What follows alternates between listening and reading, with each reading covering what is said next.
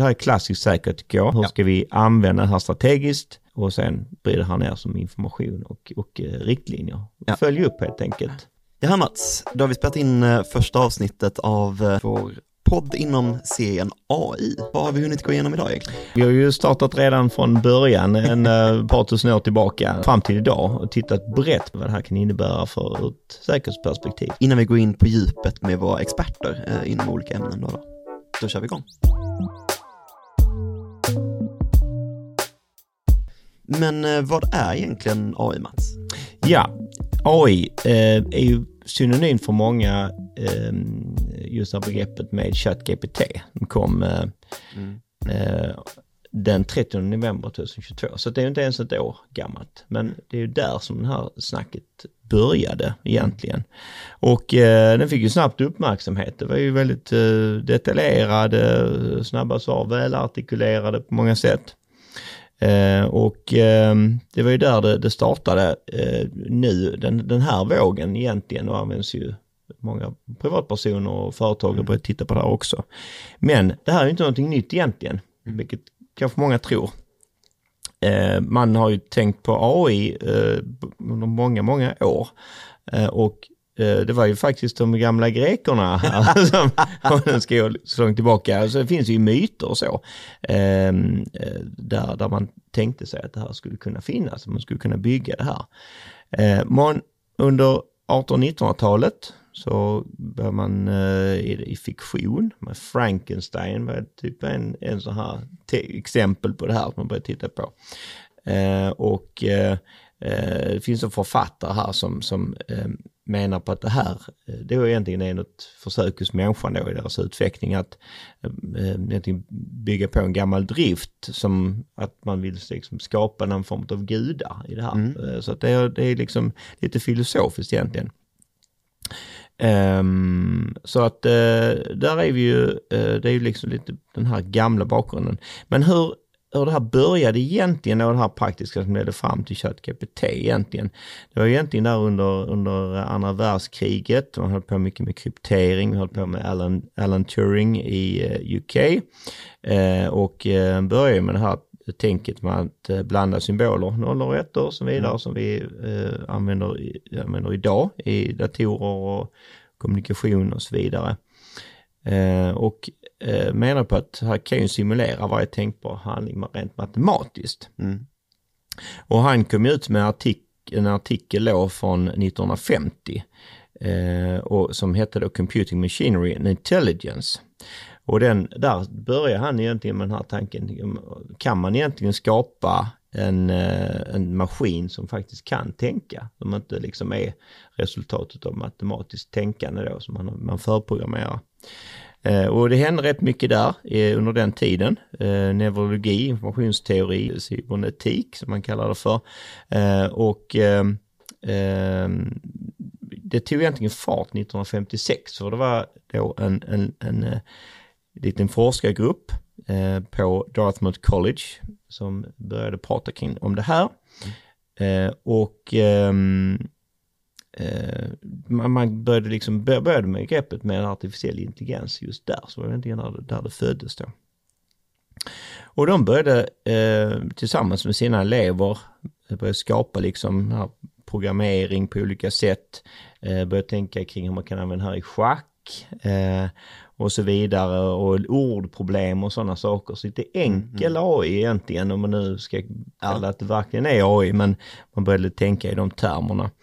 Och sen så började då eh, Department of Defense intressera sig för det här under 1960-talet. Det här är kanske någonting vi kan använda i försvarsindustrin och så vidare. Så att där blir man involverad.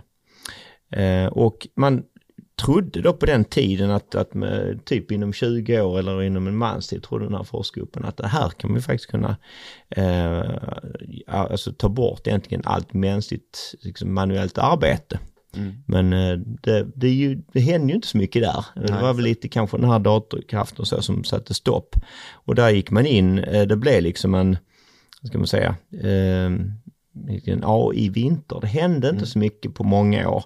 Eh, men då 1997 så kom ett nytt genombrott. Det var den här Deep Blue som en schackspelsdator som då slog Garry Kasparov i schack då. Och då började man, ja men här är, börjar ta fart. Sen har det ju hänt lite saker på vägen, men det är ju egentligen vägen här fram till, till ChatGPT. Mm. Ja, väldigt intressant genomgång. Eh, och det är ju lite intressant det här med det som du nämner med att eh, med amerikanska försvarsdepartementet eller eh, Department of Defense, Mm. att just de är, var väldigt intresserade. Mm. Det för oss ju, vi är ju informationssäkerhetsexperter och det har ju ganska stor påverkan för just säkerhetsbranschen och inte bara då när det kommer till då, va, vad ska man säga, försvarssäkerheten men också informationssäkerheten och IT-säkerheten då. då. Mm. Så att i den här serien så kommer vi gå in lite på, på sådana saker eh, och nu i, i första avsnittet som ni lyssnar på just nu eh, så ska vi snacka lite mer allmänt då då eh, och ge som sagt en bakgrund till AI eh, och lite vad, vad vi tycker och tänker helt enkelt om, om det fenomenet. Då. Mm.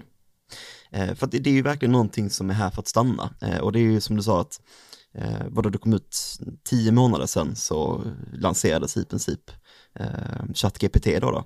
Mm. Och det är det jag tror att alla som lyssnar på det här avsnittet har väl i alla fall någon slags eh, medvetenhet om det och om inte egentligen gått in och testat själva. Mm.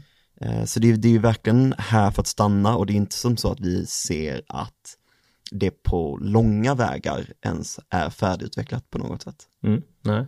Och, och sen, det jag tycker är intressant också, det är ju att eh, det pågår en del filosofiska diskussioner. Vad Ja, kan det här ja. bli, medföra? Och vad är det för stora hot som det kommer att bli för, för, Ja. för mänskligheten och så vidare. Och, och det har ju bland annat då EU eh, Ja. gått in och börjat eh, fundera kring, kring lagstiftning kring Mm. det här området. Men det kommer vi återkomma till senare. Och det är ju väldigt intressant, alltså inte bara om man tittar på, på de aspekterna utan man gräver djupare till exempel i eh, upphovsrätter och liknande. Mm. Och det, det verkar ju vara en, en, en ganska avancerad härva så den, den tänker att vi kanske inte riktigt berör på, på direkta sätt här och nu. Eh, det har vi nämligen inte riktigt. Mm, Den djupa kunskap som behövs att gå in och, och rota i den härvan i alla fall. nej, nej. Men det är ju, jag tycker vi är ju ute på ganska många företag och hjälper dem med eh, att etablera säkerhet och hjälper till rent operativt och så. Eh, och det tycker jag är en ganska eh, prevalent fråga vi får nu för tiden att, men det här med AI och Mm. säkerhet, och hur, hur ser det ut? Jag tycker det finns en väldigt stor eh, fundersamhet eller nyfikenhet runt omkring det. Är det någonting du Mm. Ja, där man bör- börjat dyka upp frågor kring, eh, men liksom hur ska vi förhålla oss till AI? Man börjar prata i termer om hur vi ska skapa sig en AI-policy. Eh, hur kan vi använda det här i verksamheten Mm. på olika sätt?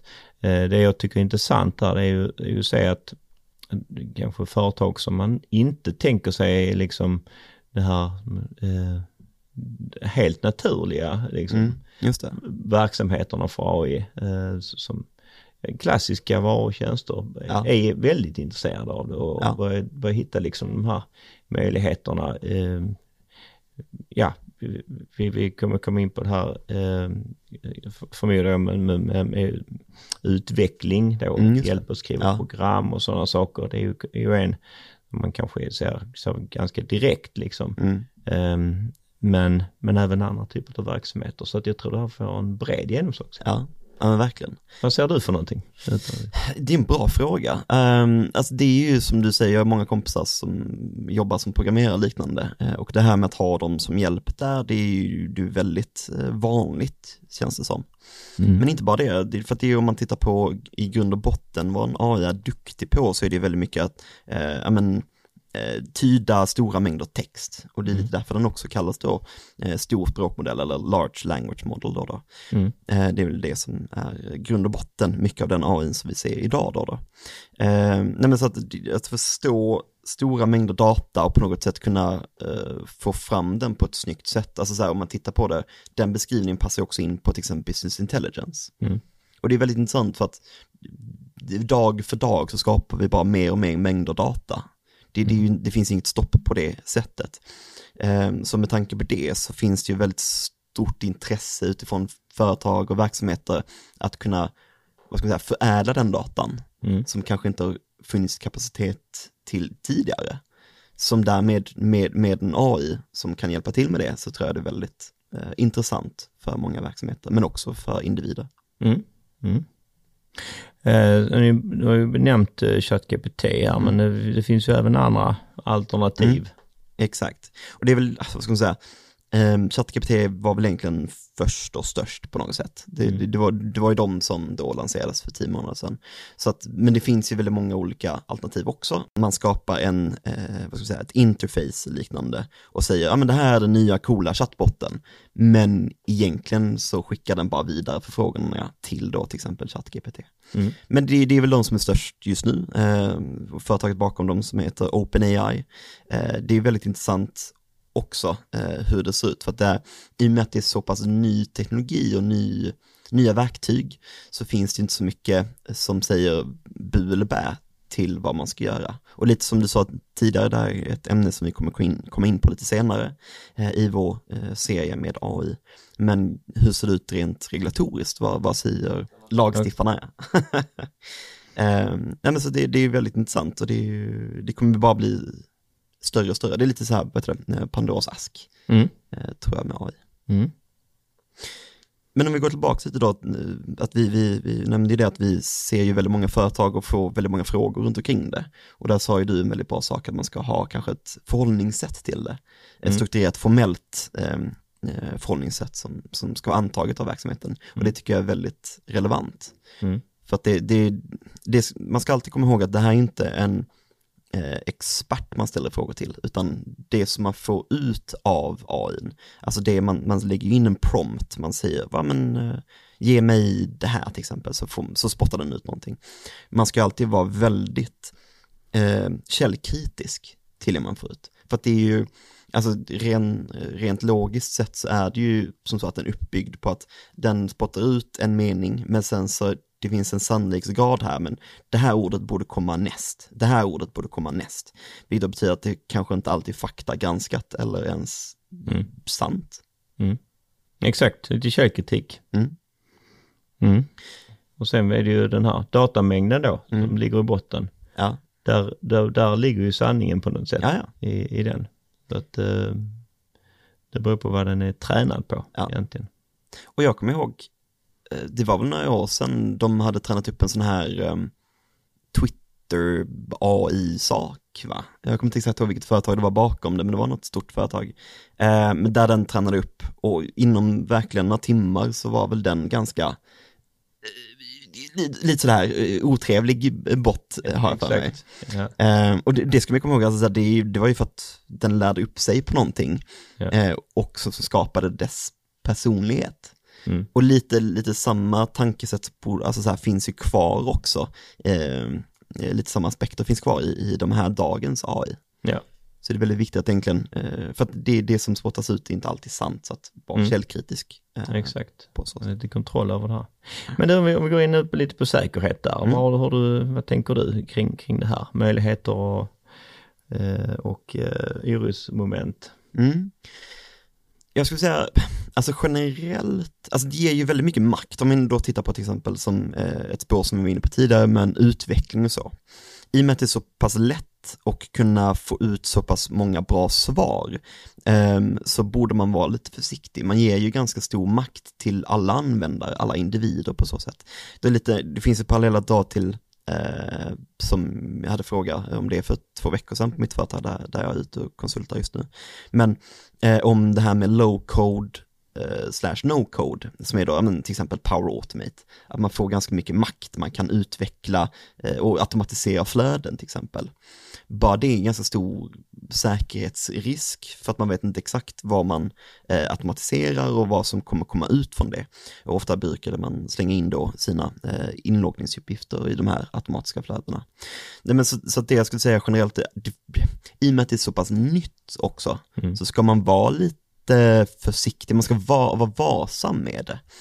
Eh, och någonting som är ganska intressant med att, som då, alltså i och med att det är så pass nytt, så vet jag ju med mig att det finns anställda och individer som slänger in ganska känslig data, konfidentiell data, mm. som då sparas. För att det i princip så inputtar du data in i en stor databas, mm. som du sen också kan hämta ut. Så det är ju väldigt stor säkerhetsrisk, skulle jag mm. säga. Mm. Och du ju, jobbar ju en del inom privacy till mm. exempel. Det är ju ett, ett område som ja. jag ska fundera på. Eh, ja. att ta med sig sin, eh, sin AI-policy bland annat då. Ja. Om man tänker framåt. Ja, det är ju jättestor fråga med här med dataskydd och hur, hur GDPR, alltså förhållningssättet till personuppgifter går, som går in i en AI. Det är väldigt stort intressant ämne och jag tror att vi kommer diskutera det också väldigt mer noggrant då, då eh, lite senare avsnitt. Men det, det är ju en problematisk, skulle jag säga, arena. Eh, mm. Och någonting som vi inte riktigt sett slutet på än så länge. Nej. Definitivt. Nej. Sen ska man, uh, ChatGPT, eller men det här är ju användning i allt möjligt mm. egentligen. Vardagsprodukter och uh, hjälpmedel och ja. ja uh, förmodligen myndigheter och ja. företag och så, så i, i det hjälp av, av, sin, sin verksamhet. Och går vi tillbaka här nu så till, till vad man trodde på 60-talet, ja, att man inom 20 år skulle ha ersatt allt, allt arbete med ja. AI. Eh, vi är ju inte på långa vägar där, men Nej. det var i alla fall eh, en av grundtankarna. Ja. ja, men det är väldigt intressant det du säger, att så här, för det är ju en stor farhåga att AI kommer ersätta väldigt mångas jobb. Um, och det, det, är ju svårt för oss att säga hur det kommer se ut, varken du eller vi, vi är ju inte experter inom området. Men det är ju definitivt en intressant um, tanke att ha såklart. Mm. För att om den ersätter väldigt mycket, eller kan hjälpa till med stora mängder administrativt arbete, mm. hur har det för påverkan på uh, de jobben där det, det behövs? Eller om mm. vi bara tittar på till exempel uh, självkörande bilar, mm. alla taxibilar, hur det ser ut med långtradare och så vidare. Mm. Hur, hur, kommer det påverka de branscherna? Mm. Mm. Det är, väldigt... det är ju, ja, det, det, får vi ju det får vi se. Vi är ju många ställ, områden redan där. Självkörande bilar och, och så vidare. Men, men eh, just de här fördelarna pekar ju bland annat EU-kommissionen ut. När mm. man börjar titta på den här ja. AI Act. Um, och um, eh, fördelarna som de listar här är ju bland annat då kring, kring bättre hälso och sjukvård mm. och mm, mm, eh, transporterna blir kanske säkrare och renare till och med då. Eh, man kanske ser fördelar hur man kan lägga upp transporter på ja. ett bra sätt. Eh, tillverkningsprocesser, att det kommer att vara effektivare. Och, eh, och på, även på energiområdet då som, som ja. är ju ett annat liksom makrofaktor Exakt. många, många tittar på.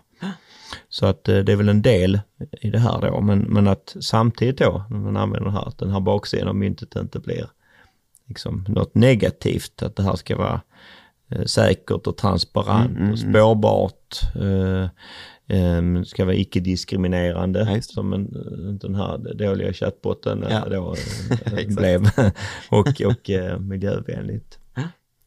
Och det, om man drar då paralleller till, till säkerhet, eh, det finns ju väldigt stora eh, egentligen fördelar man kan dra där. Och det blir ju att, eh, men, om man är inne på till exempel, som, som vi pratade om innan, att Eh, att analysera stora mängder data och kunna få, få fram ganska bra resultat. Eh, det är ju att man ska ja, men, till exempel se mönster i till exempel eh, trafiken, nätverkstrafiken, både in och ut och sen så vad som försöker mm. komma åt ens data. Att man ska kunna få ut ganska bra tecken därifrån. Det, det finns ju stora fördelar och väldigt många eh, vad ska säga, förmågor som man skulle kunna använda i försvarsarbetet. Mm. Eh, då då. Så det, det, det ser man ju fram emot mm. med vad, vad som kan ske där.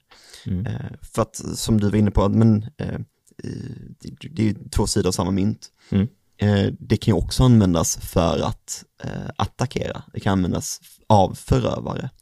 Så det är ju väldigt viktigt att man ser, vad, okay, vad, vad är användningsområdena där för dem? Och hur ska man försvara sig från dem? Mm. Mm. För att ofta har det varit att, men förövare ligger ju ofta eh, ganska eh, i, i eh, ena benet före. Eh, ja. Så det gäller att man hakar på där, den trenden och kan försvara sig mot de olika angreppssätt som förövare kan ha då. då. Mm. Exakt. Eh, men om vi pratar lite mer om, om eh, AI Act här. Mm. Eh, så det är ju egentligen den första eh, ska säga, försöket på lagstiftning i världen. Mm, exakt. Jag ser på det här.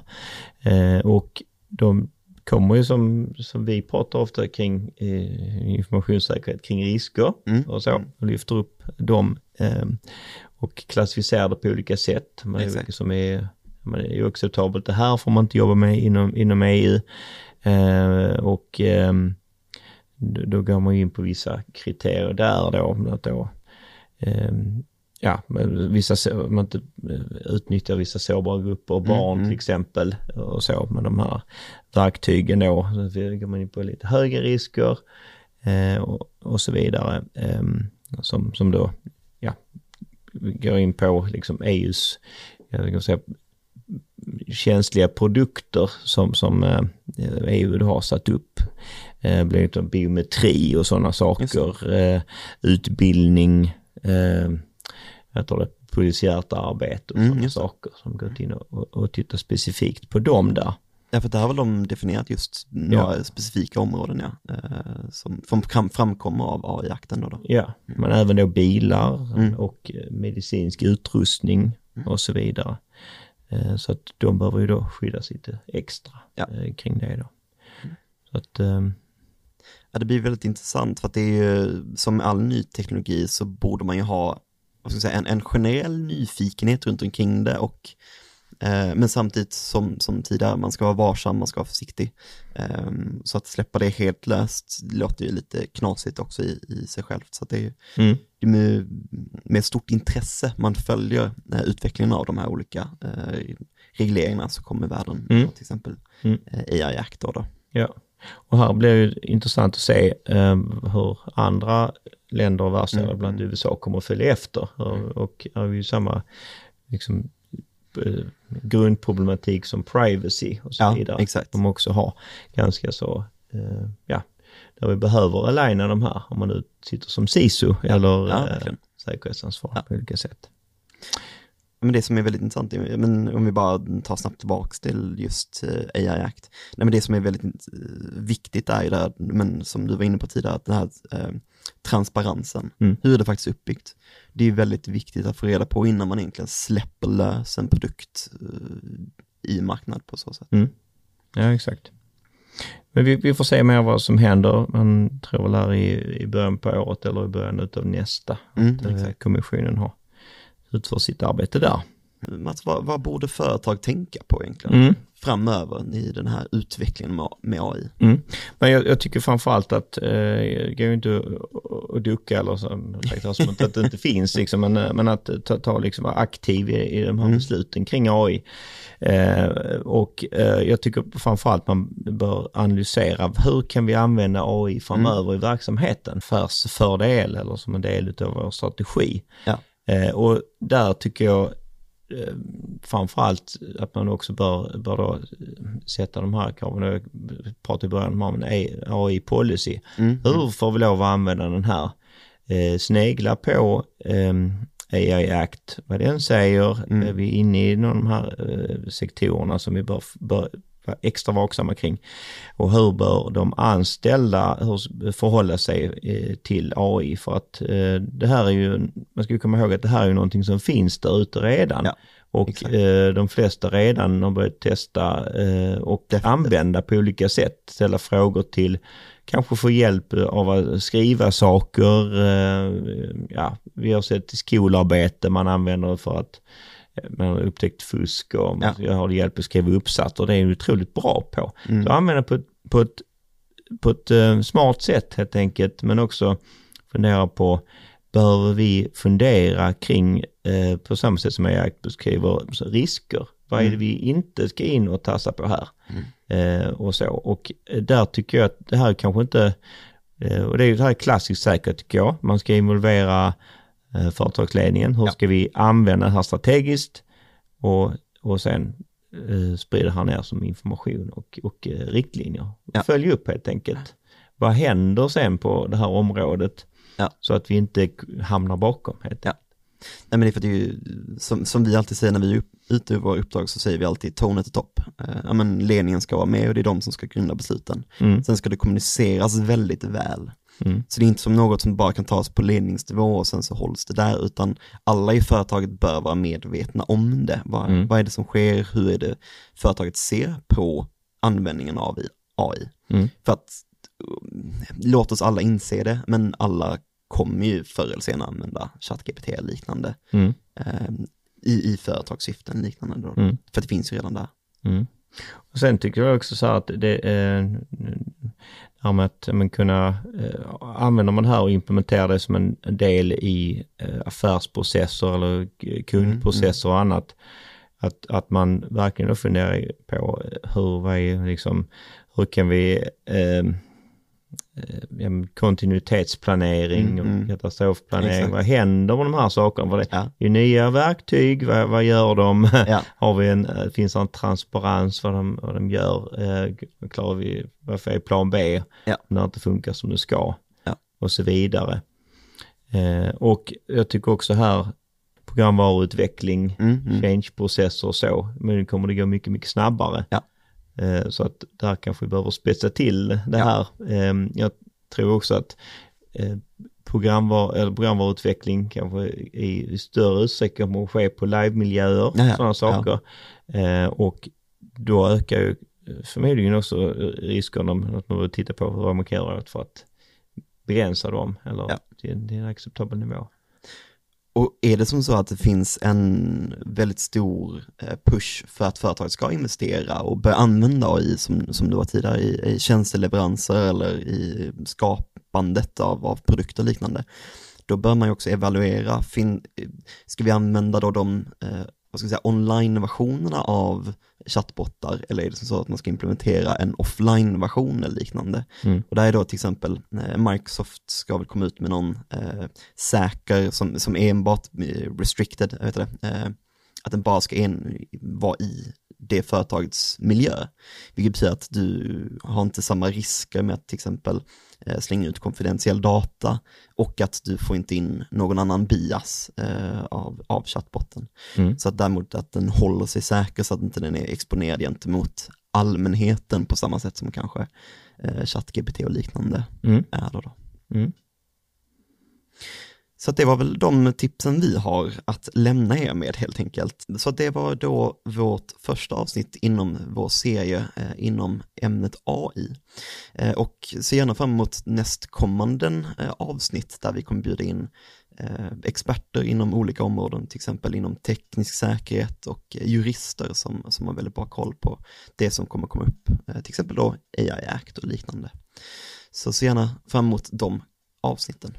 Och har ni några frågor som ni vill ställa till oss eh, gällande eh, till exempel de jur- juridiska bitarna så eh, hör gärna av er till oss.